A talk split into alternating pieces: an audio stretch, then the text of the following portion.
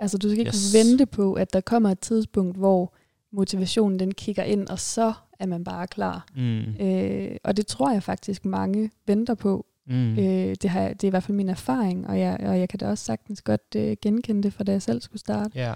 Man venter til det rette tidspunkt, hvor man føler sig klar. Yes, og det er jo så det heldige i det her med, at øh, motivation er en begrænset ressource. Det er også en ressource, der ikke er fuldstændig nødvendig. Den er nice Ja. to have, den er ikke need to have. Ja, Hvis du skal ud og købe den der Ferrari, så skal du have pengene. Hvis du skal ned og træne, så skal du ikke nødvendigvis have motivationen.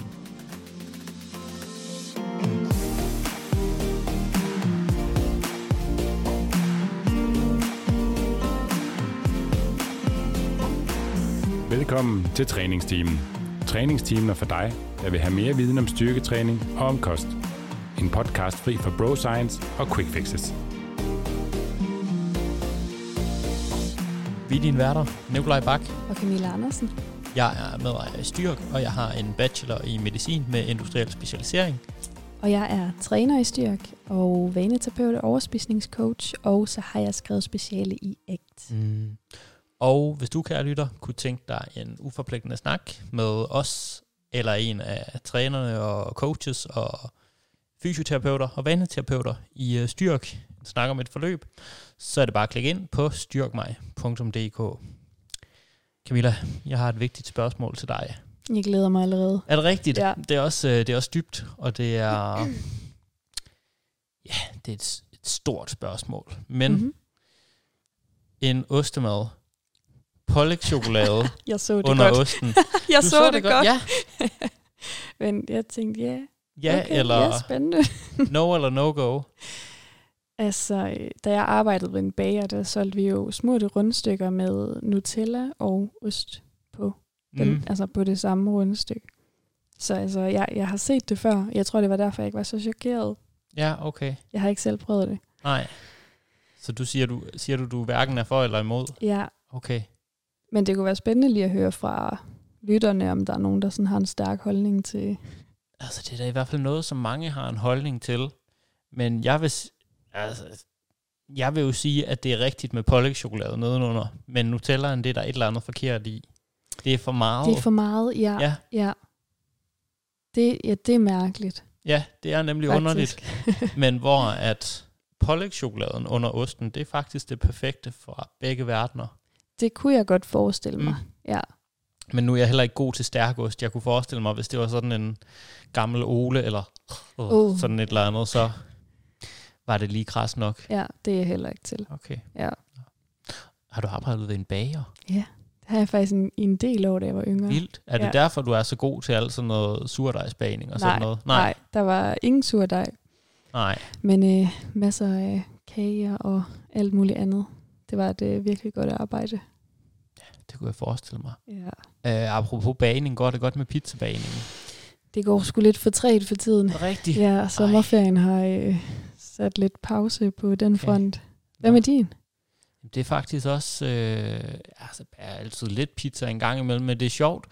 Øh, som du siger, nu hvor der er blevet ferie, så har jeg faktisk ikke bagt helt så meget pizza, som jeg ellers har.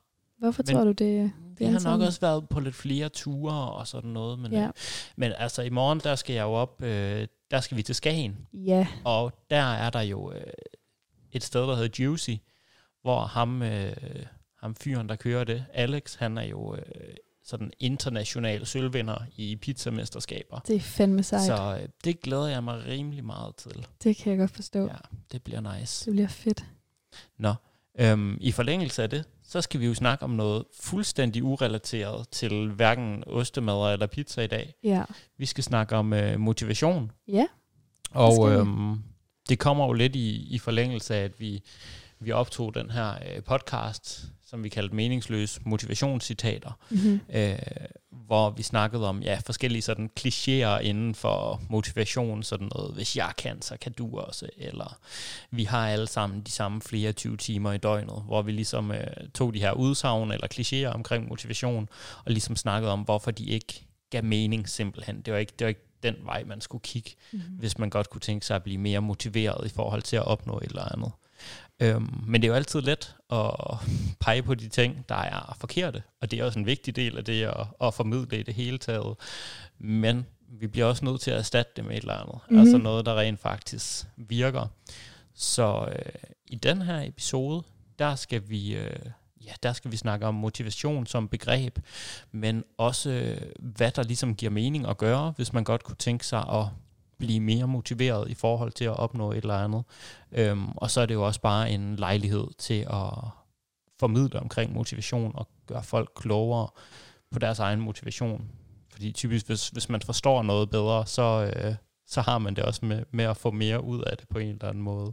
Ja, helt sikkert. Og ja. øh, jeg tror da godt, vi kan blive enige om, at motivation det er noget, øh, de fleste jagter på en eller anden måde. Og øh, måske også et begreb, som der er ret mange øh, ja, på de sociale medier, som, øh, som spiller lidt på. Altså, vil du gerne være topmotiveret, eller øh, noget af den dur? Og det er jo altid noget, folk gerne vil. Det er da rart at kunne øh, føle en eller anden form for drivkraft indefra. Det, det er sjovt, du siger det, fordi det, det dukker egentlig bare lige op for mig som sådan en tanke. Men motivation er nok et af de begreber, der ligger allerhøjst på listen over ting, man hele tiden snakker om, men ikke nødvendigvis ved, hvad er. Eller i hvert fald, hvor rigtig mange vil lægge noget forskelligt i det begreb. Absolut, og det, som vi også snakkede om, inden vi, øh, vi trykkede start, så øh, er der sindssygt mange forskellige vinkler, man kan, kan kigge på, på begrebet fra. Øhm, og der er også en masse myter om, mm. hvad motivation er, og øh, i hvilken grad man skal føle det. Ja. Så, øhm, så vi har ligesom samlet forskellige øh, punkter omkring motivation. Det har du specielt. Øhm, det er dig, der er vaneterapeuten. det er ret meget dit speciale, det her på mange måder. Yes. Øhm, så vi har nogle forskellige takeaways. Skal vi, øh, skal vi starte med at snakke om alle myterne og misforståelserne? Fordi når først man har fået dem øh, af vejen, apropos det, jeg nævnte lige før, så er, det, øh, så er det nemmere at forstå det, der er tilbage på en eller anden måde. Det synes jeg. Mm. Vi kunne jo øh, springe ud i den første, som er, at øh, øh, man skal stræbe efter, at øh, motivation er noget, man føler hele tiden, og at det er øh, en drivkraft, som skal sørge for at få en til træning eksempelvis. Mm. Og øh, det kan jeg huske, at jeg øh, selv faktisk troede, dengang jeg startede med at træne. Og, og når jeg så ikke følte mig drevet indefra afsted til den her træning, så tænkte jeg, at det, det nok måtte være mig, der var forkert, eller mig, der ikke havde gjort nok for at øh, ligesom fremkalde den her motivation. Mm. Ja, det er nok rigtig vigtigt at, at få den misforståelse af vejen. Jeg kommer også til at tænke på, at der er den her, øh, hvad skal man sige, der er lidt sådan en, øh, tingene skal føles godt bølge på en eller anden måde, på yes. Instagram for eksempel. Yes øhm, som jeg synes har rigtig mange, altså der er rigtig mange gode budskaber i det, fordi at hele fitnesskulturen har jo også bare haft en, en slagside med masser af restriktioner, og at man gjorde ting, der fik en til at føle sig som et dårligere menneske, uden at man øh, fik noget ud af den proces. Altså mm. alt det mhm. her med at, at leve af tun og broccoli og straftræning og whatever. Men, men samtidig så er der også kommet den her med, at, at som en modpol til det, er der også kommet den her med, at øh, træning skal føles sjovt, og mm. du, skal bare, du, skal bare vælge, du skal bare vælge det, du synes, der er sjovt. Ja, og det kan godt lidt blive sådan en, øh, det kan faktisk også godt blive lidt rigidt. Bare det lidt bliver bare et nyt ideal på ja. en eller anden måde. Øhm, og det, det er faktisk også en af de myter, vi har skrevet på, det der med, at det er usundt for kroppen at gøre noget mm. øh, mekanisk, øh, i stedet for at alt hele tiden føles rigtigt og kommer indenfra, og man bliver drevet af, af, af sted til træning. Men det er bare ikke, øh, det er ikke realistisk, at motivation er noget, man føler hele tiden, eller hver gang man skal afsted. Og øh, motivation er også kun en meget lille del af alle de andre ting, som får dig afsted til træning. Mm, ja, og det kan være, at vi allerede nu i forhold til det her skal prøve at skille øh, mellem forskellige slags motivation. Mm-hmm. Øh, fordi når man snakker om motivation, så vil mange se på det som den her indre følelse. Yes. Altså som en indre følelse, når man skal, skal et eller andet. En drivkraft, der siger, det her, det skal jeg gøre. Altså når man føler sig topmotiveret for at træne lige nu, fordi det føles mega fedt. Øhm, eller fordi man har set en eller anden video med øh, en inspirerende person, der står og holder en tale eller sådan noget. Den der følelse, som man får ind i kroppen, som jeg tror, alle kan relatere til i forhold til et eller andet, det er en slags motivation. Det er følelsen af motivation. Øh, og den kommer og går rigtig meget hvor at man kunne også forestille sig, at nogle gange så spørger man jo, okay, hvad er din motivation for at træne, for eksempel, hvor, okay, jamen der snakker vi om motivation som noget, man gerne vil have ud af det, man nu gør. Altså en form for værdi. Hvad, hvordan vil det, at du træner, give værdi i dit liv? Mm. Øh, hvad er din motivation for at træne? Det er ligesom to sider af samme sag på en eller anden måde. Yeah. Hvor følelsen af motivation, den kommer og går, og den kan vi ikke altid bestemme over. Men forhåbentlig skulle det gerne være det samme outcome, man ønsker hele vejen, eller i hvert fald være bevidst om, at der er noget, man gerne vil have ud af det, og hvad det er, man gerne vil have ud af det, sådan at, at den slags motivation, som måske ikke giver den der brændende følelse, følelse i kroppen, men som giver en bevidsthed om, okay, det her, det giver rigtigt, det giver rent faktisk mening for mig. Den motivation skulle gerne blive ved med at være der, uanset om det så føles nice eller sjovt at være nede og træne lige nu. Ja, så der er både noget kortsigtet motivation, som kan opstå, øh, for eksempel hvis man ser en eller anden øh, inspirerende video på øh, YouTube, eller hører en fed sang på Spotify. Øh, men så er der også den mere øh, langsigtede form for mm. motivation, mm. som vi også vil komme ind på senere. Ja. Mm. Vi har jo nogle flere myter med. Ja. Øhm, den her har vi været en lille smule inde på, men øhm, den har også været lidt op i forhold til det her med det intuitive. Altså hvis man ikke føler motivation, skal man lade være med at handle. Øhm, sådan hænger det ikke sammen. Mm. Man må gerne handle, og det skal man i mange sammenhænge handle, selvom man ikke er motiveret for det. Ellers så øh, tror jeg sgu ikke, der ville være særlig mange, der fik taget opvasken eller bastet tænder mm. eller så meget andet. Der er jo mange ting, vi ikke er motiveret for, men som vi skal alligevel. Ja, og i det her punkt ligger der også lidt myten om, at at motivation altid går forud for handling. Ja. Altså nogle gange er det også den anden vej, at man ligesom går i gang med at gøre et eller andet. For eksempel, man begynder at træne, og så motivationen, det er noget, der kommer hen ad vejen. Ja. Øhm, apropos det her med, at, at det skal ikke nødvendigvis føles sjovt, og det skal ikke være noget, man føler sig, igen, føler, øh, som motiveret for hver eneste gang, når man er nede og træne for eksempel. Men nogle gange, så kommer det hen ad vejen, så kommer den følelse af, at du rent faktisk handler. Det er bare vigtigt at, øh, at være bevidst om, at motivationen, du behøver ikke være motivation, motivationeret, du behøver ikke være motiveret for at gøre noget bestemt. Det kan være, at det bliver nemmere af, at du føler dig motiveret, og det er super fedt, hvis vi kan hvis vi kan drage fordel af det, men det kan vi ikke altid, og det er, det er aldrig en forudsætning for, at man rent faktisk udfører en handling. En handling, den er, den er fuldstændig uafhængig af dine tanker og følelser, øh, som man ikke kan bestemme over, om de er der eller ej. Øh, det, at du bevæger kroppen i et vist rum, er fuldstændig uafhængigt af det, men det har vi let sådan en fortælling om, at, at tankerne behøver altid at gå, gå forud for handlingen, og det er heldigvis ikke tilfældet. Det er også noget af det, jeg ser er en af de største forhindringer for folks opstart. Øh, altså for at folk overhovedet kommer i gang med noget, det mm. er, at øh, de ønsker, at den der motivation ligesom går forud for, og gør den så ikke det, øh, har de ikke følt den for eksempel de første gange, de var nede at træne, så øh, er man hurtig til ligesom at falde ud af den vane, fordi at motivationen ikke er dukket op. Men motivationen kan godt først dukke op, når man er kommet lidt i gang det skete også for mit eget vedkommende, mm. så begynder man ligesom at opdage, at det øh, er noget, man faktisk godt kan finde ud af, eller har noget, hvor man har forbedret sig. Øh, og så er det, det begynder at føles fedt. Ja, det er da sjældent, at man er motiveret for at løbe en tur eller for at løfte vægte, hvis man ikke har haft en kropslig fornemmelse af, hvad vil det rent faktisk sige at løfte en vægt, hvordan føles det, hvordan føles det at tage ned i træningscenteret, hvordan føles det at tage ud og løbe en tur. Men hvis man tror, at man skal være motiveret for det, så kommer man aldrig til det punkt, hvor man rent faktisk starter med at løfte vægte, eller med at løbe en tur. Nej, og jeg tænker også, det er da måske egentlig, når man tænker over det sjældent, at man er top, top motiveret til noget, man godt ved, men ikke er så god til endnu. Mm.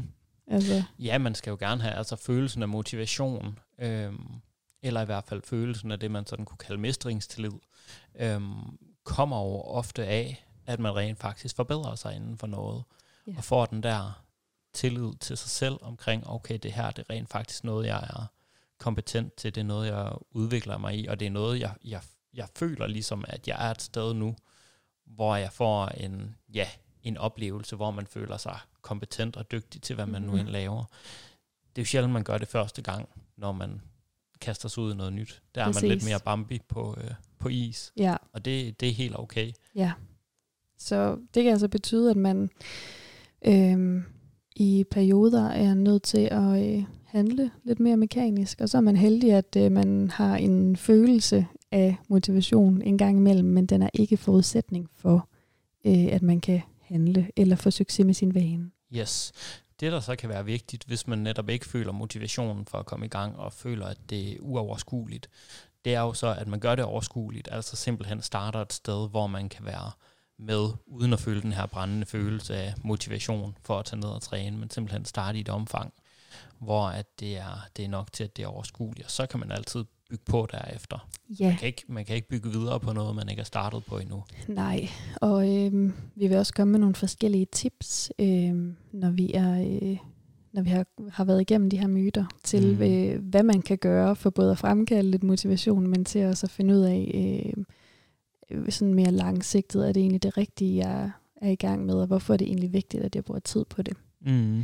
Men øh, Nikolaj, hvad tænker du om øh, sætningen, man skal bare være motiveret nok? Øhm, jeg føler, den burde have været med på vores øh, liste i øh, meningsløse motivationscitater. Ja. Øhm, fordi det er sådan en, ja, det er sådan en, en sætning, som er nem at slynge ud, men som i praksis ikke betyder noget. Mm-hmm. Altså det er sådan lidt, det, det er totalt åbenlyst, at havde man mere motivation, så ville tingene være nemmere. Ja, Men det har man ikke, så det er det, vi skal tage udgangspunkt i. men det er også lidt med til at øh, sætte det der ideal for, at motivation er øh, noget, man føler i så høj grad, at det er det, der ligesom driver en afsted, Yes. øh, flyver en ned til træningscenteret. Ja, Det er, det er et øh, forkert ideal, vil jeg sige. du kan have nok så meget lyst til at tage til træning, men hvis ikke dine ben bevæger dig ned i træningscenteret, så kan det jo være lige meget, kan man sige. Ja, Øhm, de to ting er faktisk ret afkoblet, eller vi kan i hvert fald afkoble dem fra Mm. hinanden. Og så ligger der også bare i det det her med, at, at motivation, viljestyrke, hvad vi nu skal kalde det, det er rent faktisk en begrænset ressource. Det er ikke noget, vi har uendelig af. Øh, så det svarer lidt til sådan at sige, jamen, du kunne jo sagtens købe en Ferrari, du skulle bare have flere penge på din bankkonto. Ja, men det har man ikke, og så er det det, vi tager udgangspunkt i. ja, og det betyder også, at, øhm, altså, at, man, at, at man godt kan handle nu. Altså du skal ikke Yes. yes. vente på, at der kommer et tidspunkt, hvor motivationen den kigger ind, og så er man bare klar. Mm. Øh, og det tror jeg faktisk mange venter på. Mm. Øh, det, har, det er i hvert fald min erfaring, og jeg, og jeg kan da også sagtens godt øh, genkende det fra da jeg selv skulle starte. Ja. Man venter til det rette tidspunkt, hvor man føler sig klar. Yes, og det er jo så det heldige i det her med, at øh, motivation er en begrænset ressource. Det er også en ressource, der ikke er fuldstændig nødvendig. Den er nice Ja. to have, den er ikke need to have. Ja, Hvis du skal ud og købe den der Ferrari, så skal du have pengene. Hvis du skal ned og træne, så skal du ikke nødvendigvis have motivationen, hvis du ved, hvorfor det gør det, og hvorfor det giver mening for dig at tage ned og træne, hvad det er, du gerne vil have ud af det. Men den slags motivation, den tænker jeg, vi, øh, vi kan vende tilbage til lige om lidt. det gør vi. Ja. Øhm, vi har også en, øh, en myte med, som øh, Oh ja. Ja, den med Instagram-kontierne.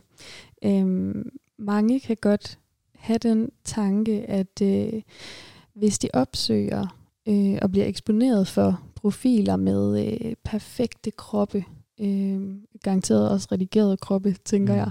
Hvis de bliver eksponeret for det hver dag, så når de kigger på de her perfekte kroppe, så må der da opstå en eller anden form for motivation til at komme i gang. Øhm, jeg ser bare ofte, at det modsatte sker. Øhm, og at man kommer til at sammenligne sig med de her kroppe, og bliver egentlig ikke mere inspireret eller motiveret, men øh, nok nærmere det modsatte. Ja, det, det er lidt sjovt det her. Ofte så kalder man det jo inspiration. Når jeg følger med på de her øh, profiler med perfekte kroppe, eller hvad det nu er, for inspiration. Men jeg tror, det, det er rigtig godt at lige prøve at være lidt nysgerrig på, får jeg egentlig lyst til at tage ned og træne, er at følge med på den her øh, profil med den her steroidepumpede øh, inspirator, eller hvad vi nu skal kalde det, som det nogle gange er. Altså tit, som du siger, så har der jo både været Photoshop eller kemi i form af steroider og så videre ind over, ind over de her billeder af kroppe, som man aldrig ser i virkeligheden i hvert fald. Øhm, men i hvert fald lige være sådan, øh, være nysgerrig på, bliver jeg egentlig inspireret? Får jeg den der drivkraft til rent faktisk at tage ned og træne? Øh, og kommer den af, at jeg egentlig føler, at jeg har styr på mit shit, og jeg har godt, jeg har godt gang i, i selvtilliden omkring det her? Eller kommer den mere af, at den her person, eller billederne af den her person selvfølgelig, fordi vi ved jo ikke, hvad deres intentioner er med at have deres profil og så videre, men kommer den egentlig af, at jeg føler mig mere forkert, og jeg får fokus på alle mine, øh, alle mine fejl, og alle de måder, hvor jeg ikke er som den her perfekte person på? Ja, og det er sjovt, du siger det, fordi da jeg selv startede med at træne, der var Instagram ikke særlig stort, og det var typisk sådan nogle amerikanske mm. øh, kvinder, som havde øh, garanteret photoshoppet deres kroppe, eller i hvert fald fået dem til at se øh, meget mere perfekte ud, end det er normalt. Øhm, og det var øh, det, der ligesom fik mig afsted til træning, det var en eller anden form for øh, altså motivation i form af, at jeg, var så, jeg blev så negativ omkring min krop, at det ligesom var det, der drev mig mm. til træningscenteret. Men jeg kan nok godt afsløre, at det ikke, det ikke er det, der har øh, gjort, at jeg også træner i dag. Så det er ikke det, der har holdt mig i gang, men det var ligesom det, som var drivkraften. Og øh, hvis det er det, man går afsted med, at øh, min krop, den er jeg så utilfreds med, at jeg bliver nødt til at kæmpe hver eneste dag, så kan det godt være svært at øh, ja, holde sin vane i gang. Mm. Ja, så vi kan rent faktisk, vi kan godt udføre en handling, der objektivt set er god for os, som at træne. For de fleste vil det at træne objektivt set være rigtig godt, fordi at det forbedrer vores liv på rigtig mange parametre. Vi lever længere, vi lever et, et liv, hvor vi kan flere ting med mm-hmm. bevægeapparatet. Øhm, det gør nogle gode ting for, øh, for sådan vores lykkestoffer og sådan noget, der bliver udskilt, når man træner.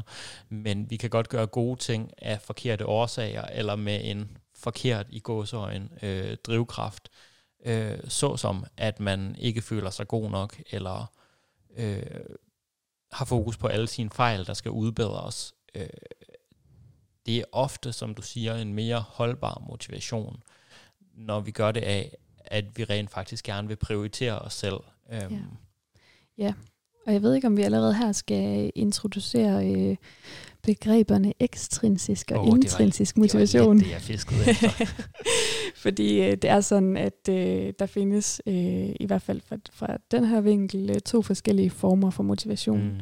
Det er den ekstrinsiske, som er en belønning udefra.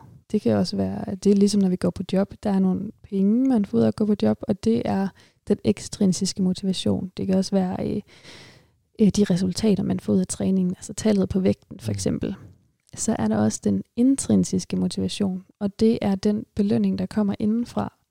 Altså den følelse, vi har, for eksempel, når vi øh, har følelsen af, at det føles fedt at træne, mens man er i gang. Så det er altså belønningen indenfra. Og øh, begge to former for motivation er til stede, og begge to former for motivation er rigtige og naturlige. Men det er bare sådan, at hvis man udelukkende har fokus på den ekstrinsiske, så bliver det rigtig, rigtig svært at fortsætte øh, eller vedligeholde øh, den her handling, øh, fordi øh, den intrinsiske motivation er den, som gør det holdbart. Mm. Og øh, har man for stor fokus på den ekstrinsiske, altså de her belønninger udefra, det kunne for eksempel være tallet på vægten, man bare er sådan helt, øh, helt overfokuseret på, så kan den ekstrinsiske faktisk dræbe den her intrinsiske motivation, altså følelsen, vi har inde i, inde i kroppen, eller belønningen, vi får indenfra. Yes. Ja, så hvis man udelukkende ser træning som et øh, redskab til at tælle kalorier, eller udelukkende ser træning som et redskab til at få en til at se anderledes ud, så vil den indgangsvinkel til træning faktisk kunne ende med, at det tager den potentielle træningsglæde, du kunne have fået ud af det, altså glæden ved at udføre handlingen i sig selv, yes. den kan faktisk ende med at blive, blive dræbt yes. af, at man kun har fokus på, hvad er det, man vil have ud af det. Fuldstændig. Specielt hvis det, man gerne vil have ud af det, er noget, der i høj grad ikke bunder i en selv, altså noget, man godt kunne tænke sig at opnå for sig selv, men at det er nogle ydre idealer, og der er selvfølgelig tit et, et overlap mellem indre og ydre idealer, fordi at vi bliver påvirket af alt rundt omkring os. Men hvis man føler, at man gør det for alle andres skyld, kontra at man gerne vil prioritere sig selv. Ja, fuldstændig. Øhm, og, og derfor er det jo vigtigt, at man finder en god balance, og det betyder også, at det ikke det er ikke fordi, det er forkert at øh, tælle kalorier, eller kigge på vægten, eller øh, gå op i de her resultater, man får ud af sin træning sådan rent fysisk. Mm. Øh, det er bare vigtigt, at man husker, at der også er noget andet, øh, der ligesom skal fodres lidt, eller mm. sådan have plads. Og, øh, og det betyder, at man skal finde lidt en balancegang mellem de her øh, to former for motivation. Ja. Øhm, der er jo faktisk øh, tre øh, ting, man sådan skal tænke over, hvis man gerne vil fremme den intrinsiske motivation. Og øh, den første er kompetence. Eller det er i hvert fald den, jeg nævner først nu. Mm. De, øh, de kommer ikke i nogen speciel rækkefølge, men den første er kompetence, øh, som handler om, at man skal finde noget, som øh, stemmer nogenlunde overens med øh, de kompetencer, man har. Altså det vil sige, at øh, jeg ikke bliver sat til som total nybegynder at lave et eller andet fuldstændig vanvittigt, som, som ender i, at jeg føler, øh, jeg føler, at det er en fiasko, hver gang mm. jeg skal afsted. Ja. Så man, øh, hvis man får en ny klient ind, der ikke har den store øh, træningserfaring, så skal man ikke sætte dem til at starte med at lave øh, Bulgarian split squats øh, med dropset og okklusion for eksempel. Det kunne godt være, at man bare skulle starte med at lave selve split squat bevægelsen med kropsvægt og måske støtte, sådan at det er noget, man rent faktisk ikke får en, øh, får en fiasko-oplevelse med. Ja, og, og samtidig skal det være noget, der udfordrer en tilstrækkeligt, så, man, så det heller ikke er for nemt. Yes. Øh, ja, og det, det er lidt sjovt, at øh, det, altså, det giver god mening, men det er, det er lidt sjovt, at det er sådan noget, der også kan være med til at påvirke, hvor motiveret vi er mm. i længden. Øhm, så noget, der sådan nogenlunde forsøger at ramme ens kompetenceniveau, altså som udfordrer tilpas, men som heller ikke er så svært, at det bliver en øh, fiasko. Ja. Og jeg vil sige, det er selvfølgelig individuelt, men specifikt i forhold til sådan noget som styrketræning, der vil jeg hellere, når jeg starter ud med en klient, starte lidt til den, skulle man sige, uambitiøse side, men, men lidt, hænder, lidt tættere mod det, som er overskueligt, end det, som er, er udfordrende. Vi skal have noget af begge dele, men hellere starte et sted, hvor vi i hvert fald får en oplevelse af, at det er overkommeligt, for så kan vi bygge videre Ja, på præcis. Den vej. Ja, øhm, så er det næste øh, selvbestemmelse mm. eller medbestemmelse. Øhm, og det betyder, øh, det kan jo, altså det kan jo egentlig øh, sådan rent praktisk betyde mange forskellige ting. Men, øh, men det betyder, at vi på en eller anden måde har en eller anden form for øh, medbestemmelse i, hvad det er, vi laver. Og det kan både handle om, at man, okay, men jeg, jeg beslutter mig for nu, at jeg gerne vil indgå i et forløb øh, med den her træner. Det kan være øh, en form for, eller en grad af medbestemmelse. Det kan også være, at man har brug for at øh, vælge, hvad er det for en slags træning, jeg gerne vil træne? Vil jeg gerne løbe? Vil jeg gerne styrketræne? Mm. Vil jeg gerne lave styrkeløft? Eller vil jeg gerne lave noget mere bodybuilding-baseret? Øhm, og det kan også i nogle tilfælde betyde, at man har brug for at have medbestemmelse omkring, hvad er det, sådan, hvad er det helt øh, praktisk, jeg laver af øvelser og af gentagelser. Ja. Ligger der ikke også noget i den her, øh, i det her med, at man føler, at man gør det for sig selv? Jo, helt sikkert. Øhm, det, det er i hvert fald en, en del, som jeg synes er vigtig i det der øh, træner-klient-forhold. Det her med, at man skal, man skal være anerkendende som træner, og der er overhovedet ikke noget i vejen med at, øh, at fejre de små sejre sammen med sine klienter og give dem en high five eller sige, jeg er fandme stolt over, hvor, du, hvor langt du er kommet men man skal hele tiden huske, også i forhold til, hvordan man i tale sætter tingene over for klienten, at det er noget, de gør for dem selv. Mm-hmm. Det er ikke for, at de skal leve op til mine for, øh, forventninger, eller for, at jeg skal blive stolt, eller det er faktisk for, at de skal blive stolte af dem selv. Yeah. Øhm, og for, at de kan komme derhen, som er vigtigt for dem. Yeah. Så det er, ikke, det, det er ligesom ikke mig, der skal bestemme, hvad, hvad er dit endemål, hvad er det, vi skal ende ud med her. Mm-hmm. Det, øh, det er klienten, der ligesom der, der kommer med sine mål og sine mm. målsætninger, og hvad de gerne vil have ud af det. Ja. Og så er vi der i den proces til at hjælpe dem med at tage den bedst mulige vej derhen og give noget sparring i forhold til det. Ja. Og også give støtte og anerkendelse i den proces 100%. Øhm, men det skal aldrig være det skal aldrig være den, hvor de gør det for coachens skyld og for sætte coachen til, tilfreds, som man nogle gange har, har hørt de her Ja. øhm, uheldige historier om, synes jeg, hvor det har været sådan noget, men om så, så skal man sende den her ugenlige vejning til, til sin coach for at Mhm. gøre vedkommende glad, og åh oh nej, hvad nu hvis jeg ikke lever op til det? Ja. Du skal aldrig leve op til, hvad din coach, hvis vi skulle kalde det det, øhm, ligesom forventer eller i aftaler, for det er ikke for vedkommende skyld, at du gør det her. Det er for din egen. Ja. Øh, og, og det der træner-klient-forhold skulle gerne i så vidt muligt udstrækning være en magtfri relation. Ja, altså, øh, så det ikke bliver sådan noget med, at man skal være en eller anden slave, og så kan man ligesom indgive, hvad er det for nogle resultater, jeg har fået i den her uge, Mm. og så er det ligesom op til coachen at vurdere, om man har fejlet det, eller om man har levet op yes. til coachens forventninger. Ja. Det kan også godt være et meget godt bud på, altså de her to faktorer, vi har nævnt indtil videre omkring øh, kompetence og noget øh, selv- selvbestemmelse. Hvorfor at øh, det kan være svært, når man, øh, lad os sige, man henter et eller andet øh, program online, øh, træningsprogram, og øh, ja, øvelserne er bestemt, øh, gentagelserne er bestemt, øh, træningsformen er også bestemt på forhånd, hvor lange pauser du har er bestemt, hvor mange gange om ugen du skal træne, det er også bestemt på forhånd, og øh, måske passer nogle af øvelserne slet ikke til det niveau, du er på. Måske skal du lave Bulgarian split squats, men øh, du har ikke styrken til det, eller balancen til det for eksempel. Altså det, der kan de her to faktorer jo godt blandt andet være med til at give et godt bud på, hvorfor det kan være svært at øh, både komme i gang med sådan her sådan en slags øh, træningsprogram, og også vedligeholde øh, vanen. Mm. Så har vi faktisk også et øh, tredje begreb, øhm, som er øh, lidt svært at oversætte direkte til dansk, men som handler om en eller anden form for øh, altså til, tilhørsforhold. Øhm, så det kan jo for eksempel være, at øh, jeg, jeg er ikke lige holdtypen. Det er der nogen, der er. Øh, der er nogen, der godt kan lide at få det der tilhørsforhold Mm. til andre via hold. Det kan også bare være det her med, at man går i øh, et træningscenter, hvor at der er nogle kendte ansigter, man lige øh, kommer ned og hilser på, og så er man ligesom sammen om de her ting, selvom man træner individuelt. Men øh, det er ligesom det der med at, at have en eller anden følelse af, følelse i, som i, en gruppe, eller Mm. en del af noget øh, større, kunne det være. Ja.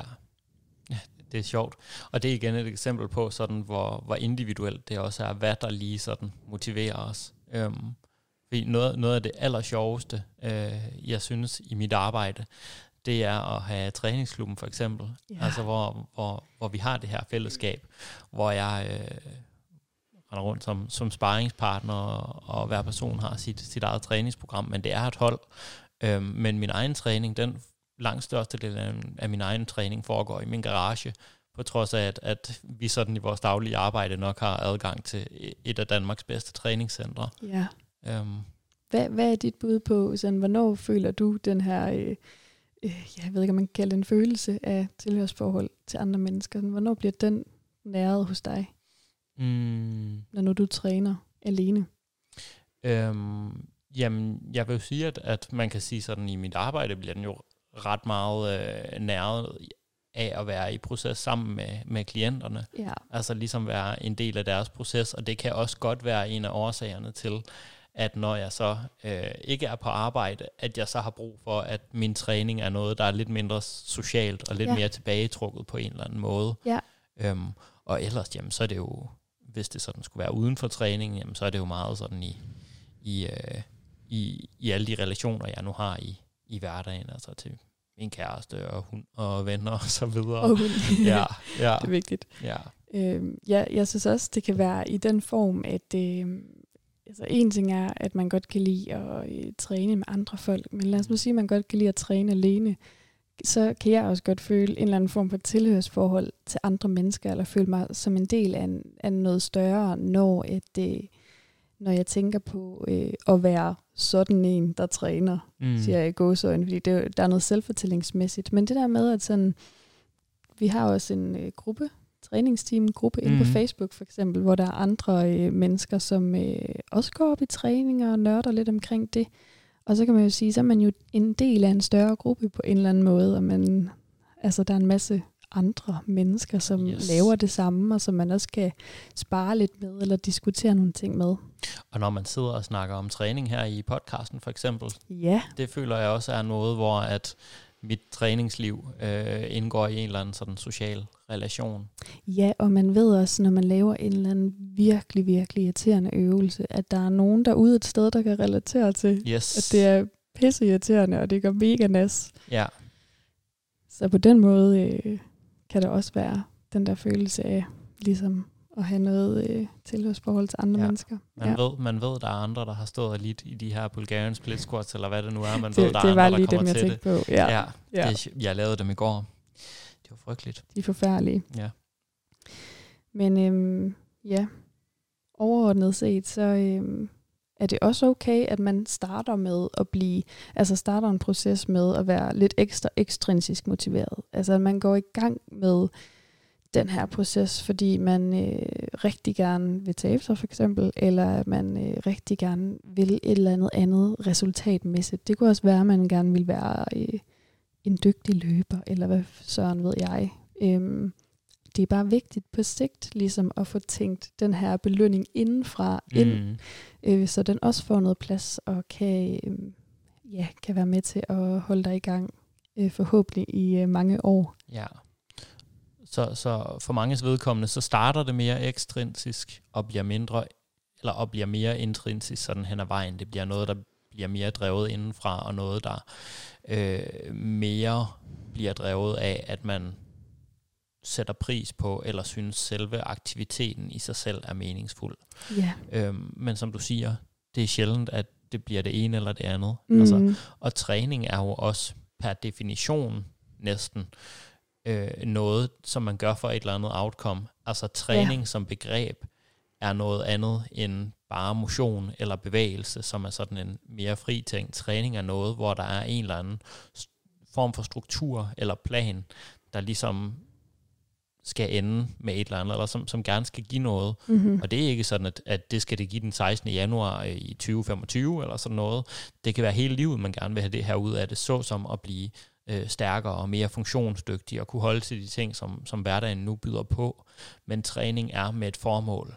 Ja. Øhm, og i og med, at det et, det er noget med et formål, så vil der jo altid være et eller andet sådan øh, ydre outcome, man yeah. søger med det. Ja, yeah. og det er altså ikke forkert. Nej. Altså, vi snakkede også om, inden vi startede podcasten, at det, jeg tror, det, at der er mange, der vil springe fra træning, hvis, øh, hvis alt den energi, man ligger i træning, yes. øh, og, og det ubehag, man også føler, når man øh, træner hårdt, øh, hvis det overhovedet ikke gav nogen resultater, øh, sådan fysisk. Mm. Øh, ja.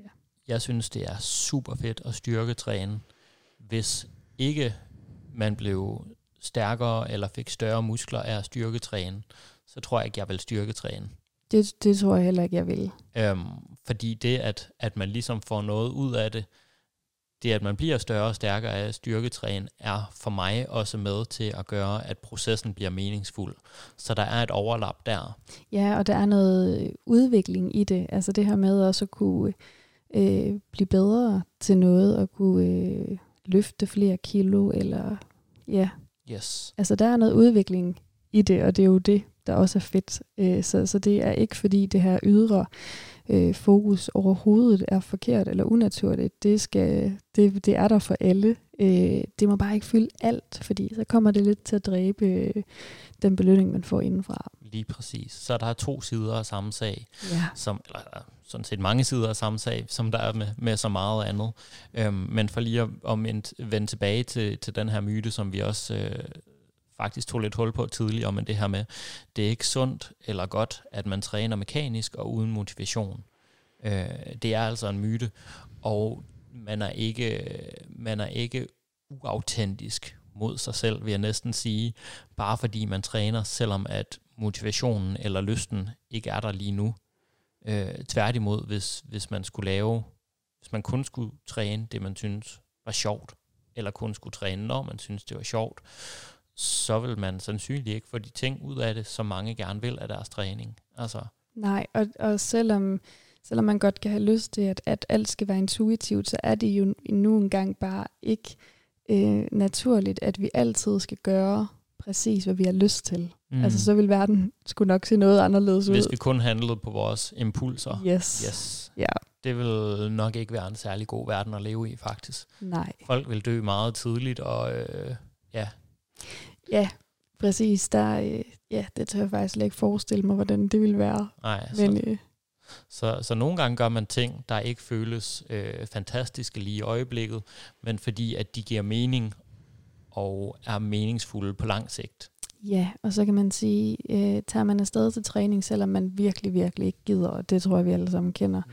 så øh, går der heldigvis ikke ret lang tid, de fleste gange i hvert fald, før at øh, man faktisk synes, det var dejligt, man kom afsted, og man, ja, det udskiller nogle ting, der gør, at man får det lidt bedre, og øh, ja, og nogle gange kan man faktisk også finde motivation i, det er sådan lidt paradoxalt, men nogle gange kan man godt finde motivation i at gøre ting, som man ikke er motiveret for. Ja. Altså, jeg kan personligt godt få et, få et kick ud af at gøre ting, øh, der ikke føles fede lige nu. Ja. Men rent faktisk gør det alligevel. Mm-hmm. Altså det, det, det tænker jeg er en, det er både en egenskab, som jeg synes er god at have, men det er også noget, der føles godt. Det, det føles som at være faktisk det modsatte af at være uautentisk. Det føles som at være tro mod sig selv og sine værdier, når man gør noget, der ikke føles behageligt lige nu, men fordi det er vigtigt for en. Det er, det er virkelig øh, godt sagt, og jeg kan sagtens øh, genkende til det. Men det kan i virkeligheden være, at, øh, at det er nu, vi så skal øh, gå lidt mere over i sådan, øh, ja, hvad kan man rent faktisk gøre? Yeah. Nu har vi været øh, omkring alle myterne, vi har snakket om, okay, hvad giver ligesom mening og, og sætte yes. i spil for sig selv. Ja, og vi har også været omkring, at, øh, at øh, der er nogle øh, faktorer, man kan sætte ind på, som øh, kompetenceniveau og selvbestemmelse og noget øh, tilhørsforhold eller noget. Øh, yes. Ja. Så, hvordan kan man få sin motivation til henholdsvis at forsvinde og dukke op igen? Vi snakkede om den her, som du siger, ja, den intrinsiske versus den ekstrinsiske, ekstrinsiske motivation. Ja, er jeg plejer altid at sige indre og ydre, fordi jeg er ikke ja. god til ord. Nej, det er også virkelig nogle, øh, ja, det er nogle lidt øh, komplicerede begreber, ja. eller navne, de har givet de her begreber.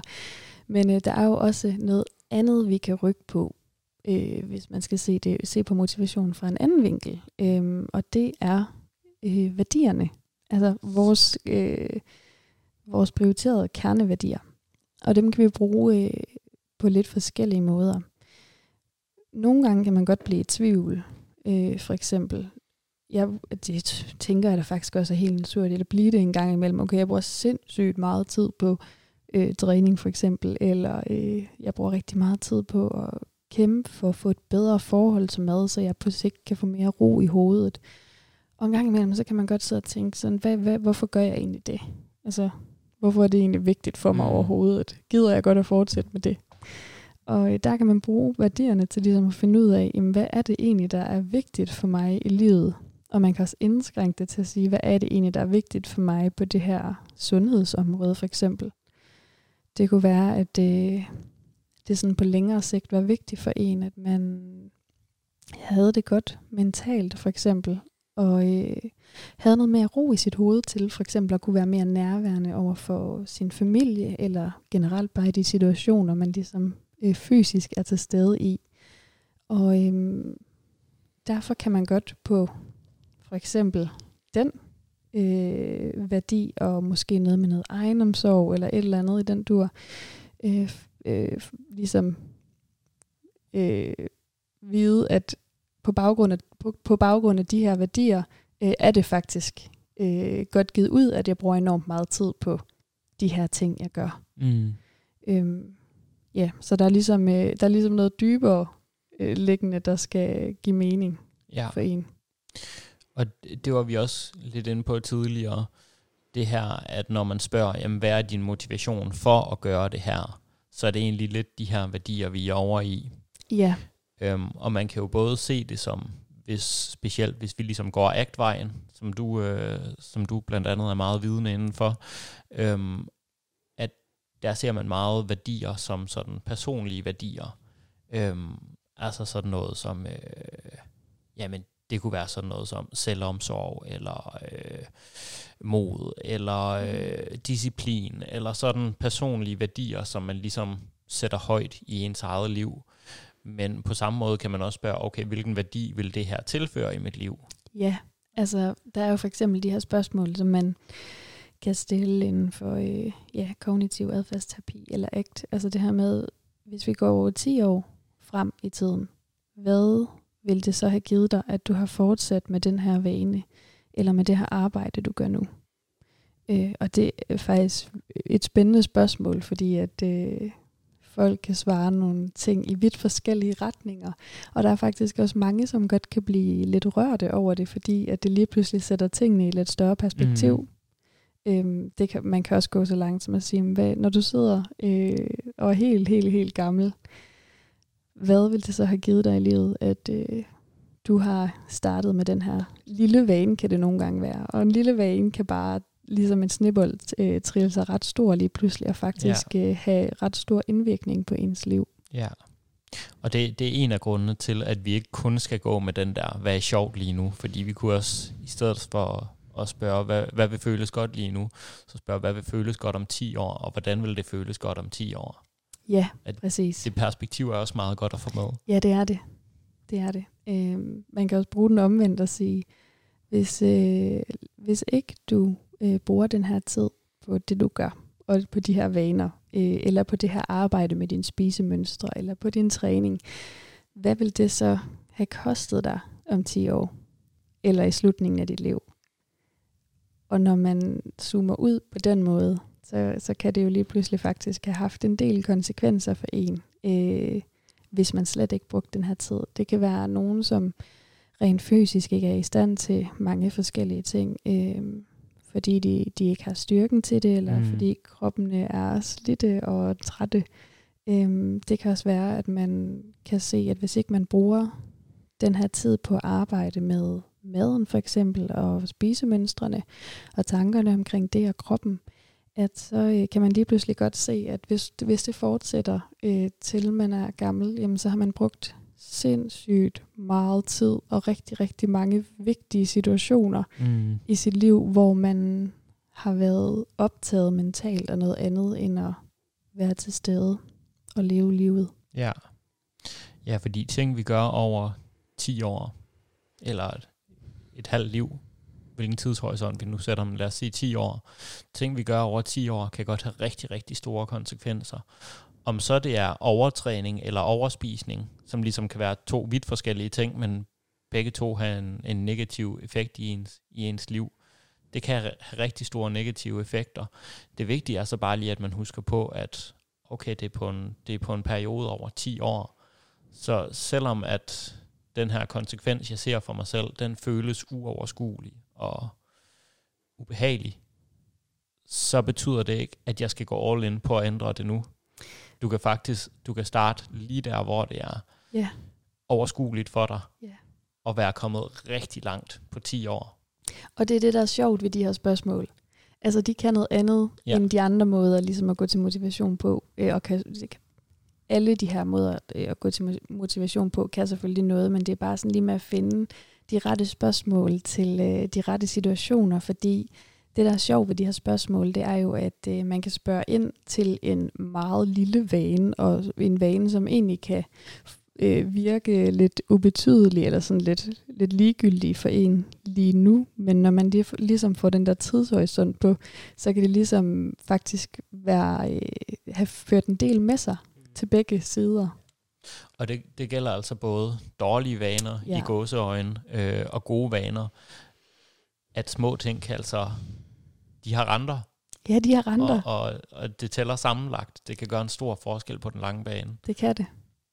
Det, det er faktisk noget, jeg synes er mest interessant ved det her. Det er, at de situationer, hvor man godt kan sidde og tænke, ej, det er et åndssvagt spørgsmål at stille, så ender det faktisk med, at, øh, at øh, dem, man har spurgt, kommer frem til nogle ret vilde øh, konsekvenser, både positive og negative. Øh, så det kan faktisk overraske ret meget, det her spørgsmål, synes jeg. Mm, ja, det er lidt, øh, det er lidt samme effekt som, øh, som den her øh, act øh, øvelse, eller hvad vi nu skal kalde det, hvor man, øh, hvor man ligesom skulle prøve at forestille sig, at, øh, at man kan se sin egen begravelse, hvor at, øh, ja. at folk de holder tale og fortæller om, okay, jamen, hvordan levede den her person sit liv, og hvad vil de fortælle om en, øh, og er det de ting, du så har fokus på i dit liv lige nu? Ja. Eller hvis man forestiller sig, at der blev lavet en dokumentar over ens liv, eller hvad det nu kan, kan være. Det er lidt mindre morbidt.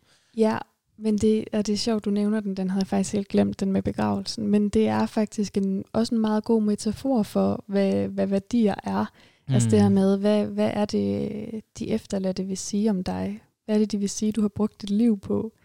Er det at være øh, altså overtræne og øh, ja, ja. være sindssygt, øh, jeg har lyst til at sige utro mod dig selv, men altså sådan, er det det, du gerne vil huskes for? Ja. Øh, eller er det, at du har været omsorgsfuld, og du har været ja, modig for eksempel, eller øh, ja. Og, og det kan være utrolig rørende for folk, øh, og også meget hardcore og ikke specielt behageligt måske at forestille sig det. Ja. Men, øh, men værdier er også hardcore.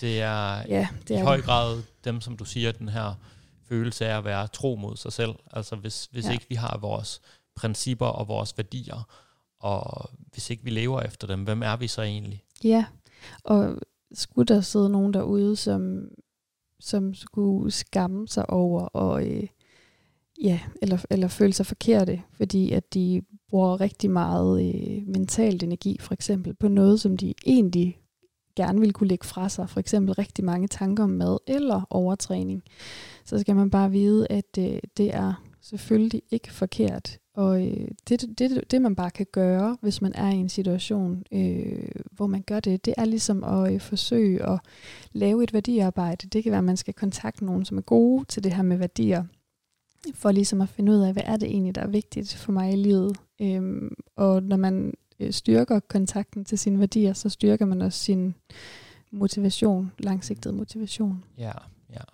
Så derfra, når man så, det kan godt føles som en kold spand vand i hovedet, når man ser de der 10 år frem. Det gode ved det er, at derfra skal man bare i gåsøjne sige, hvad er det første lille skridt, jeg kan tage nu, for at gå i en anden retning. Præcis. Øhm, men der skal vi jo også lige om lidt faktisk øh, optage øh, en episode om øh, netop øh, værktøjer, simpelthen en værktøjskasse-episode til, yes. hvordan man så arbejder med at, at indføre nye trænings- eller kostvaner, eller i det hele taget alle mulige andre vaner, der vil øh, føre en i en bedre retning i livet. Lige præcis. Yes. Så kan man lytte på, øh, med på den. Men man kan også bruge, bruge værdier på en anden måde. Sådan ved at zoome lidt ind faktisk. Og jeg har øh, fundet nogle øh, forskellige værdikort her, fordi jeg tænkte, at det godt kunne være meget sjovt lige at få nogle øh, sådan lidt konkrete eksempler mm. på, hvad større værdier kan være, og hvad man kan bruge dem til. Og øh, jeg har fundet en stak her, som jeg tænker øh, kunne give god mening i forhold til sit arbejde med mad, øh, for at finde ud af, hvad, okay, jeg bruger rigtig meget, jeg bruger rigtig meget energi på det her med at arbejde, for eksempel med min spisning, mm. eller med mine tanker om øh, mad og krop. Og øh, er det her sådan, er det sådan personlige værdier eller principper, øh, eller er det sådan ting, man vil få ud af det? Det er, øh, det er personlige værdier. Ja. ja. Hvis man sådan er i tvivl om, okay, jeg, jeg kender øh, ja, flere, og det tænker jeg måske også, du gør, som øh, har været igennem utallige forskellige coaches og forløb, og øh, måske bare sidder lidt trætte nu, og vil egentlig rigtig gerne slippe af med de her tanker om mad og krop, men er også der, hvor de tænker, jamen, altså er det hele bare lige meget, og jeg overgår næsten ikke mere, for jeg har mm. virkelig brugt meget krudt på det. Øh, så kan man jo for eksempel spørge sig selv, hvad er det egentlig, øh, hvad er det egentlig, der er vigtigt for mig på det her område? Og øh, der sidder jeg med nogle øh, forskellige værdier, som nogen måske vil kunne genkende til. Der er blandt andet noget om nysgerrighed. Det kunne være nysgerrighed på spisevanerne eller på tankerne omkring kroppen. Udfordring. Øh, jeg tror godt, jeg kan afsløre, at når man arbejder med sin spisemønstre, så bliver man virkelig udfordret. Mm. Øh, det er et udfordrende arbejde. Egenomsorg, som også kunne være en værdi, der øh, lag bag det her arbejde, og de her mange timer, man bruger på, øh, på, på ligesom at arbejde med mad og krop. Altså fordi man gerne vil gøre noget godt for sig selv, mm. og man mm. ved, at øh, at gøre noget godt for sig selv kan være at investere tid i noget, der kan give en mere ro, som faktisk også er en værdi, jeg sidder med her. Udvikling, læring, Øh, det er ikke nogle værdier, man skal have, men det var sådan nogle forskellige eksempler på, hvad for nogle værdier, der kan ligge bag, at man øh, bruger øh, rigtig meget tid på at øh, arbejde med øh, spisning og mm. med krop ja. og alt derimellem.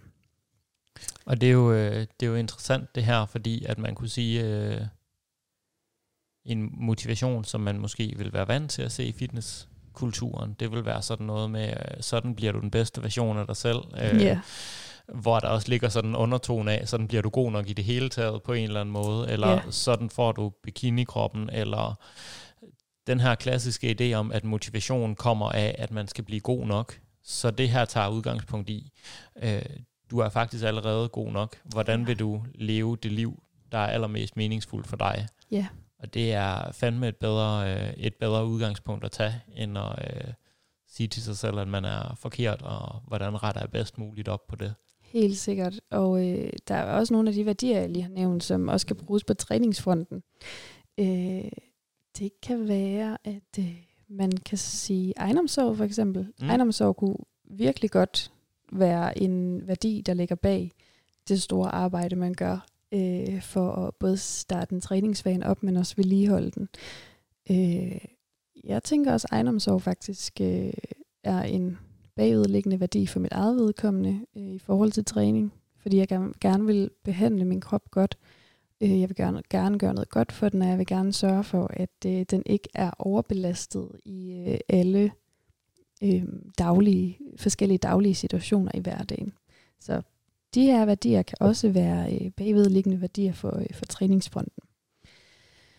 Jeg har samlet nogle øh, andre værdier også, som, øh, som måske kan give lidt inspiration til, mm. øh, hvilke værdier, der kunne være sjove at kigge på i forhold til træningen. Og der tænker jeg mere på, hvor, øh, i forhold til, øh, hvordan man indretter sin træning. Fordi der kunne være et, en værdi, der hedder natur.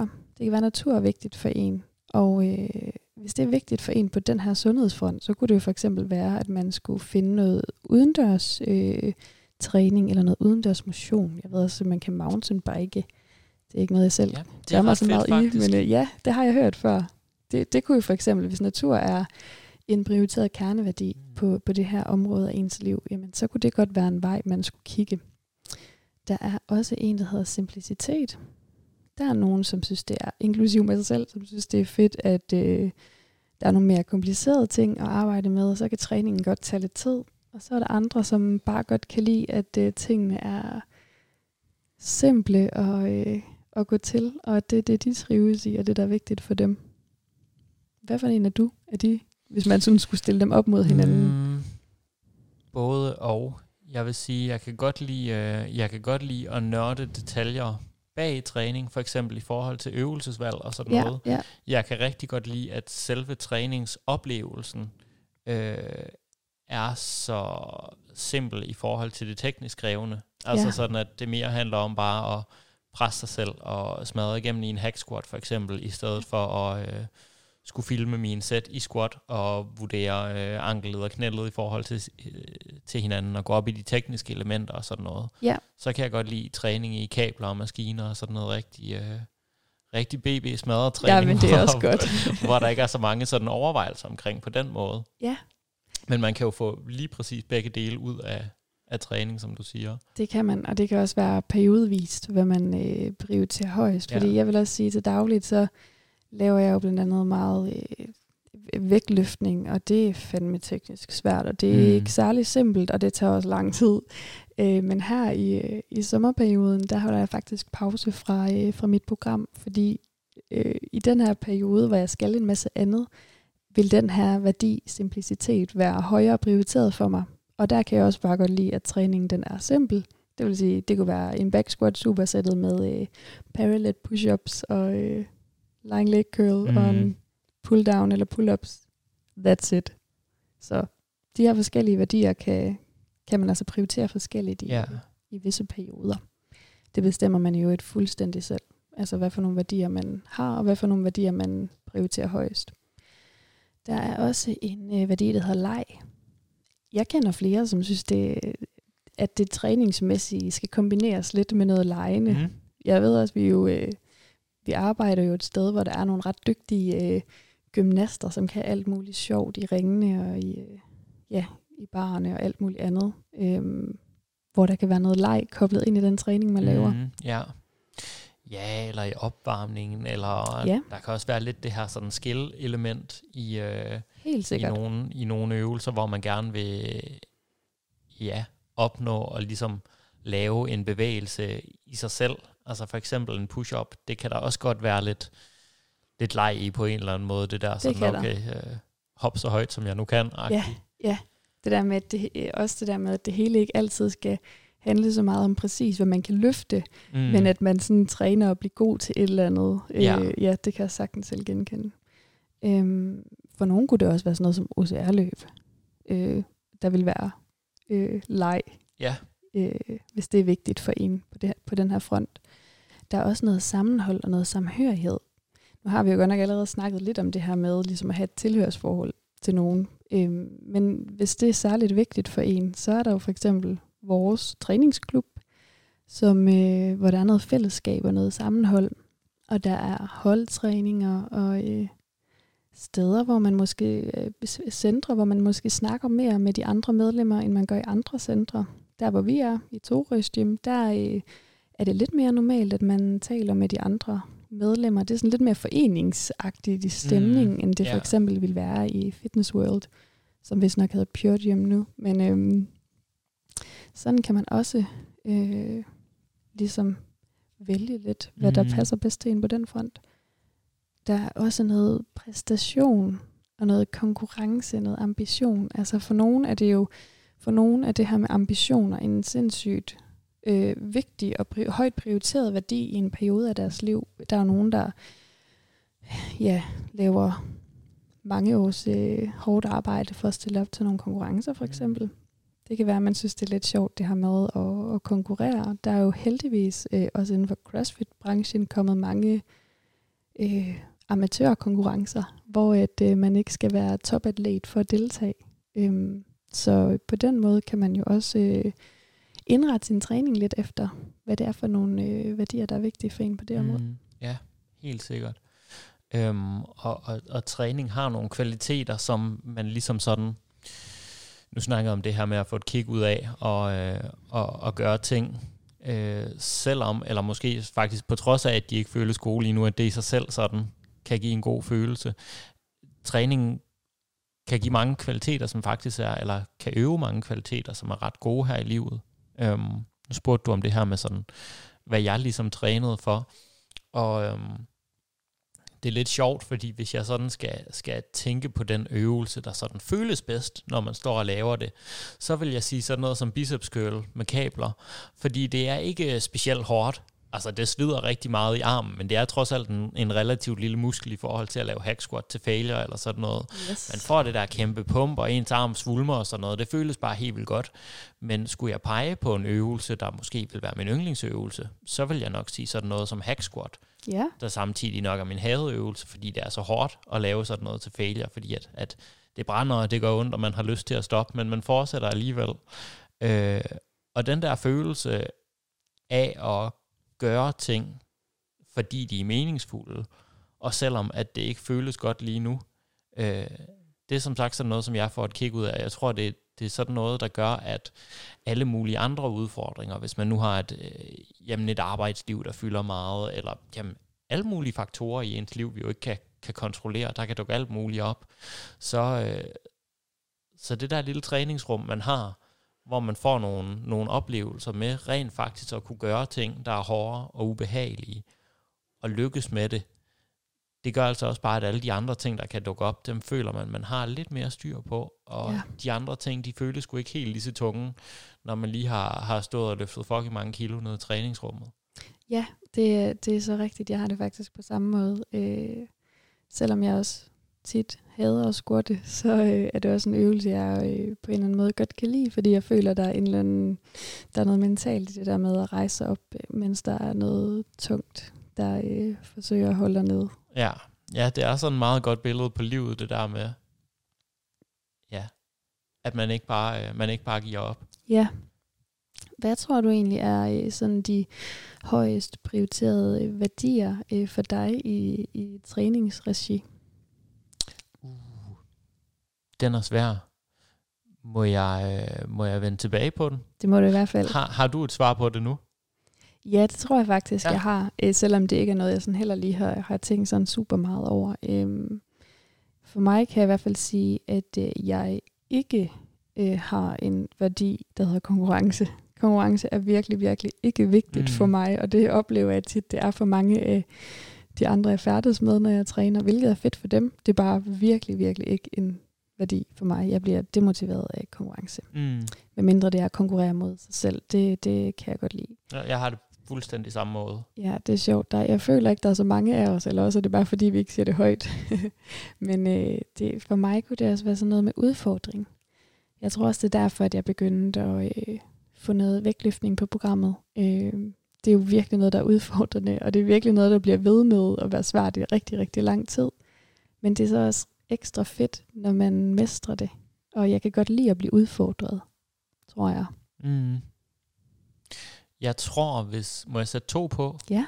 Jeg tror øh, lige off the top of my head, den ene vil være sådan, jeg vil måske sige autenticitet, altså det der med at føle, øh, føle sig tro mod sig selv på en eller anden måde. Ja, Øhm, netop det der med, at, at når man gør et eller andet, der måske er svært eller ubehageligt, men man gør det, fordi det er vigtigt for en. Det er en rigtig, rigtig god følelse, ja det er det. og det føles virkelig som om, når jeg har sådan en træning der, øh, specielt de gange, hvor man måske ikke lige sådan følte alt for meget for at tage i træningscenteret til at starte med, at så, så føles det virkelig som om, man er tro mod sig selv og tro mod sine værdier, fordi at træning er en eller anden urensagelig årsag, så føles det bare meningsfuldt for mig at løfte tunge ting op og sætte dem pænt ned igen Ja, uden helt at kunne forklare hvorfor, men det er nogle gange sådan, mange af os, der træner, vi nu er skruet sammen. ja det kan jeg sagtens følge dig i. Øhm, og så tror jeg også, jeg vil sige øh, nærvær, måske. Ja. Det lyder måske sådan lidt sjovt, men, øh, men når man står og skal løfte et eller andet tungt, så kan hovedet ikke være alle mulige andre steder. Det kan jeg ikke tænke på øh, mails, eller møder, eller opgaver, eller ja, ting, der nu rører sig på alle mulige tidspunkter, bekymringer om det ene og det andet. Øh, det eneste, du skal fokusere på, det er, hvad du gør lige nu, og du skal være i kroppen, og ja, mærke, hvordan den bevæger sig Ja, og gøre noget lige nu. Og øh, det synes jeg, det er rigtig fedt, og jeg tror, nærvær er noget, der er rigtig, rigtig godt at øve sig på. Og jeg tror ikke nødvendigvis, træningslokalet er et dårligt sted at starte med det. nej, det var faktisk et godt eksempel. Helt sikkert. Nærvær er også klart en værdi for mig på andre fronter end træningsfronten, men øh, jeg tror, du har ret i, at øh, det er svært at øh, flygte fra øh, ja, den smerte, man for eksempel har i benene, når man laver split squats. Man er nødt til at presse med dem i hvert fald, fordi Ja. ja. ellers så, øh, så kommer det til at gøre mere ondt. Ja,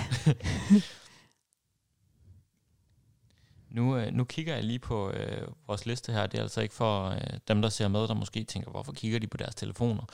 Det er jo fordi, vi har vores, øh, vores punkter her på. ja. Jeg er lige ved at, at se, om der er noget, vi har, øh, vi har misset.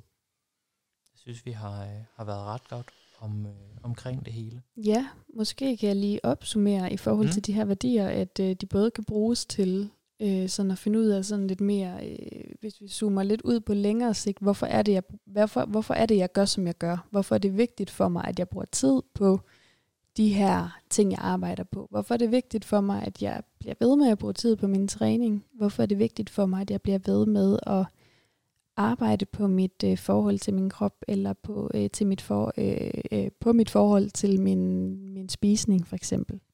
Øhm, så kan det både ligesom være med til at fortælle, øh, hvad er det, det vil give mig i mit liv, og blive ved med det, og hvad er det, det vil koste mig, hvis jeg, øh, hvis jeg ikke gør, som jeg gør nu, eller øh, gør det, som jeg har sat mig for at begynde på.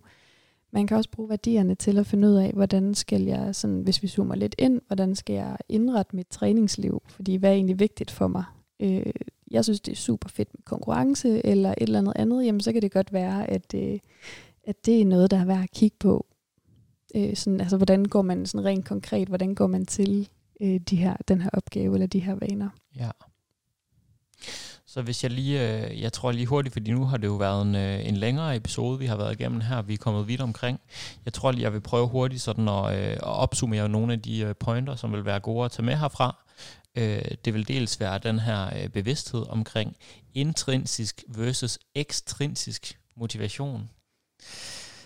Øhm, at man ligesom tit starter med at være motiveret af noget ydre, men med tiden skulle aktiviteten øh, gerne i sig selv blive mere motiverende, motivationen skulle gerne komme indenfra, men med, øh, med det ligesom arbejder bare, eller hvad man nu siger, at de vil altid begge to være til stede. Det vil de i hvert fald meget, meget ofte. At det er sjældent, man er fuldstændig øh, indre motiveret for noget, men det er gerne der, vi hen ad vejen vil bevæge os hen imod, at det fylder mere. Øhm, så er der det her med et overfokus på, øh, på den her ekscentriske motivation, øh, altså det ydre, hvis man kun fokuserer på det, så kan det faktisk ende med at dræbe den, øh, den indre motivation og følelsen af, at selve det, man nu gør, om det er træning i sig selv, at det kan faktisk dræbe selve træningsglæden, eller selve den belønnende følelse af at gøre det her. Så øh, det er altså også en af grundene til, hvorfor det kan give mening at, øh, at prøve at finde, ja, mening i selve den, øh, den handling, man nu udøver. Ja, og så, øh, så har vi også det her med, at øh, om man er på, øh, på rette vej, der kan, man, øh, der kan man spørge sig selv, hvorfor er det overhovedet vigtigt, at jeg bruger så meget tid på den her øh, aktivitet. Øhm, og det er der, at øh, man kan kigge på sine værdier. Altså, øh, hvad er vigtigt for mig i livet? Øh, hvilke værdier har jeg på et vist område? Hvad vil mine vaner have givet mig om øh, 10 år i slutningen af livet? hvad vil det have kostet mig og min familie, hvis jeg ikke handler? Øhm, og så også se øh, motivationen for en proces, kan man sige, den styrkes, når man kommer i kontakt med sine prioriterede kerneværdier. Og det er jo netop der, hvor man kunne hive sådan en, øh, en øvelse op, som du ligesom havde der, hvor at, at du har skrevet specifikke værdier ned på nogle kort, og så kan man sige, okay, hvad er det, jeg vil, øh, vil prioritere her? Øhm, og, øh, og jeg kan ikke tage credit for de her punkter. Det er, øh, det er dig, der har, øh, har skrevet dem op. Er der noget, vi har, øh, jeg har misset? Får, jeg får faktisk lige lyst til at øh, komme med et andet eksempel end træning på det her med ekstrinsisk og intrinsisk motivation, hvis mm. folk de sidder og tænker, øh, det, det forstår jeg ikke lige helt, hvad er. Så er det også tit det, man ligesom kan se, når folk de laver frivilligt arbejde. Altså der kan man godt tænke, hvad, hvad laver du frivilligt arbejde for? Øh, for eksempel hvis man øh, er på et øh, en varmestue for hjemløse. Mm. Øh, hvad gør du det for, hvis ikke du gør det for pengene? For der er ikke nogen penge i det. Jamen, øh, så er det faktisk for den her, ofte selvfølgelig, ikke også, men ikke altid, men så er det ofte for den her intrinsiske motivation, altså det, det giver en inden i. Så det er bare sådan, det kan mm. måske være lidt nemmere at Det var eddermame et godt eksempel hvis man lige, hvis man lige sidder og tænker, at, øh, ja, at det lyder lidt mærkeligt. Ja. Så øh, efter den her episode, der skulle man øh, forhåbentlig gerne være blevet klogere på, øh, dels hvordan man kan finde den her følelse af motivation frem, men også på, hvorfor den følelse i det hele taget ikke er så vigtig, som vi nogle gange bilder os selv ind. Øh, derimod er motivationen bag, altså hvad vi gerne vil have ud af det, og hvilke personlige værdier, der ligger bag, hvorfor vi skal gøre det. Det er rigtig vigtigt, og forhåbentlig øh, har vi givet nogle, øh, nogle input til, hvordan man kan blive klogere på at, at finde den motivation, og simpelthen finde ud af, okay, hvad er det, der motiverer mig? Hvad er det, jeg gerne vil have ud af det? Hvad er det for nogle værdier, jeg gerne vil udøve i mit liv? Og øh, apropos at udøve det, så er det jo øh, det, vi skal optage en episode om nu. Så det ligesom, det. Øh, når man ved, hvorfor man gør tingene, og hvordan man finder den her motivation frem, så skal vi jo så også til selve handlingen. Og øh, der er der selvfølgelig en masse konkrete redskaber, man kan, øh, man kan tage frem for at gøre det her både mere overskueligt, men også mere effektivt for sig selv. Ja, så, øh, lige præcis. Og øh, den kommer jo, jamen jeg vil tro, den kommer ugen efter, at folk de har lyttet til den her episode. Ja. Så øh, stay tuned. Yes. Tak for snakken, Camilla. Det siger jeg i hvert fald også. Og tak fordi I lyttede med. Det var så afslutningen på denne episode. Hvis du gerne vil læse mere om træningsteamen og det enkelte afsnit, så kan du klikke ind på træningsteamen.dk. Og hvis du har spørgsmål til den enkelte episode eller har forslag til emner, vi kan tage op i en fremtidig episode, så har vi en Facebook-gruppe, som du kan tilmelde dig. Facebook-gruppen hedder Træningsteamen, og herinde er der mange dygtige og kompetente mennesker, som sidder klar til at hjælpe dig. Hvis du kunne lide den her episode og gerne vil høre flere episoder, så er måden du bedst hjælper os med det på, er ved at give os en god anmeldelse i din podcast-app. Det tager ikke mange sekunder for dig, men det gør en kæmpe forskel for os og i udbredelsen af træningstimen. Det er jo netop for dig og for jer, at vi laver træningstimen. For vi brænder virkelig for at hjælpe så mange som muligt med deres kost- og træningsvaner. Og hvis du vil læse mere om Styrk og hvad vi ellers foretager os, så kan du klikke ind på styrkmig.dk eller følge os på Instagram under navnet styrk_dk. Nu er der vist ikke andet end at sige tak fordi du lyttede med. Vi høres ved.